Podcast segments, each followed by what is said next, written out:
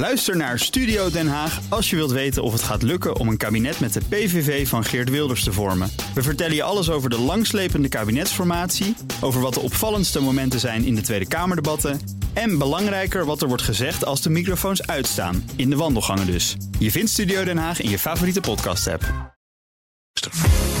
De Donald Show. Tijd voor een update uit de United States of Trump met onze correspondent in Washington, Jan Postma. Jan, de Trump-campagne heeft het moeilijk. Het gaat niet goed in de peilingen. En nu heeft Trump zijn campagnechef vervangen. Ja, daar wordt uh, flink ingegrepen, Bernard. Uh, Brad Pascal, uh, die moet een stap terug doen. Die wordt nu hoofd digitale zaken. Dat was ook zijn functie in 2016 in de campagne. Toen kwam hij eigenlijk uit het niets. niets was opgepikt door Trumps schoonzoon Jared Kushner. Um, hij maakte furoren door met hele kleine budgetten... toch heel veel voor elkaar te krijgen op Facebook. Echt een soort Facebook-tovenaar. En hij is echt een indrukwekkende verschijning. Hij torent flink boven mij uit in ieder geval. Grote baard, gemillimeterd haar. het had ook een, een hipsterkapper kunnen zijn of een uitsmijter.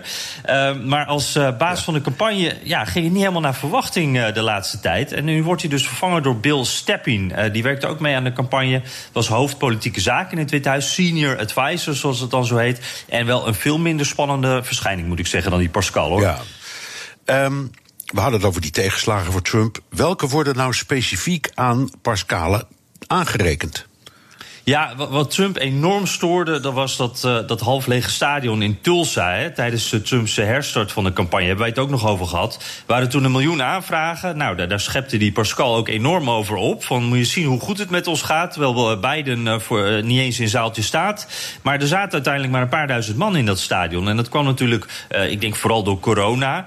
maar er was ook nog dat verhaal over die TikTokkers en K-pop-fans. die kaartjes aanvroegen en niet opkwamen dagen. Nou, Trump die was echt woedend op Pascal. Schreeuwde naar hem, hem aan te klagen. En zaterdag zouden ze het nog een keer overdoen met een uh, rally in New Hampshire. Die werd uh, afgelast vanwege een tropische storm. Maar ja, de zon scheen gewoon die dag. En er waren hardnekkige geruchten dat, dat ze weer dat stadion uh, niet vol kregen. En nog één dingetje onderliggend speelt ook wat anders. Want je hebt natuurlijk die peilingen waar het ook niet goed gaat. En de Trump-campagne die gaf al 750 miljoen dollar uit sinds Trump president is. En die peilingen worden ook maar niet beter. Dus ja, dat helpt allemaal niet. Dat gaat voor geld ook niet lukken, klaarblijkelijk. Oké, okay, nee. Uh, nou, nou krijg je ook de indruk dat Trump dwars zat... dat, dat die uh, Pascalis een soort zelf, zelf een ster aan het worden was. Ja, ja, precies. Dat speelde zeker mee hoor. De, de, hij gedroeg zich een beetje als een rockster. Hij was enorm aan het, aan het opscheppen aan de start van de campagne. Dat hij een machine had gebouwd die te vergelijken was met de Death Star in Star Wars. Dus een ongelooflijk camp campagneapparaat. Hij wordt ook toegejuicht op het podium voordat Trump spreekt. wordt echt als een ster behandeld. Mensen willen met hem op de foto, zijn handtekening. En de laatste tijd waren de berichten over hoeveel geld hij wel niet verdient. Hij werd ooit aangenomen als websitebouwer voor, voor Trumps vastgoed. Hij zo lekker goedkoop was. Nou, nu haalden zijn bedrijven al 40 miljoen dollar binnen dankzij de Trump-campagne. En hij heeft inmiddels een, een, villa aan het water in Florida. Uh, meerdere appartementjes ook. Een Ferrari en een boot van 4 ton. Nou, dat, dat zijn dingen natuurlijk als Trump het idee heeft dat, dat je profiteert van hem. Daar wordt hij ook niet blij van. Nee. Wie heeft dit nou eigenlijk aan Pascale uh, verteld? Heeft Trump hem ontboden en heeft gezegd: You're fired? Ja, dat zijn ook altijd, dat verwacht je dan, hè? Want zo kennen we Trump ja. in ieder geval als tv-personen. Ja, dat doet hij gewoon allemaal zelf.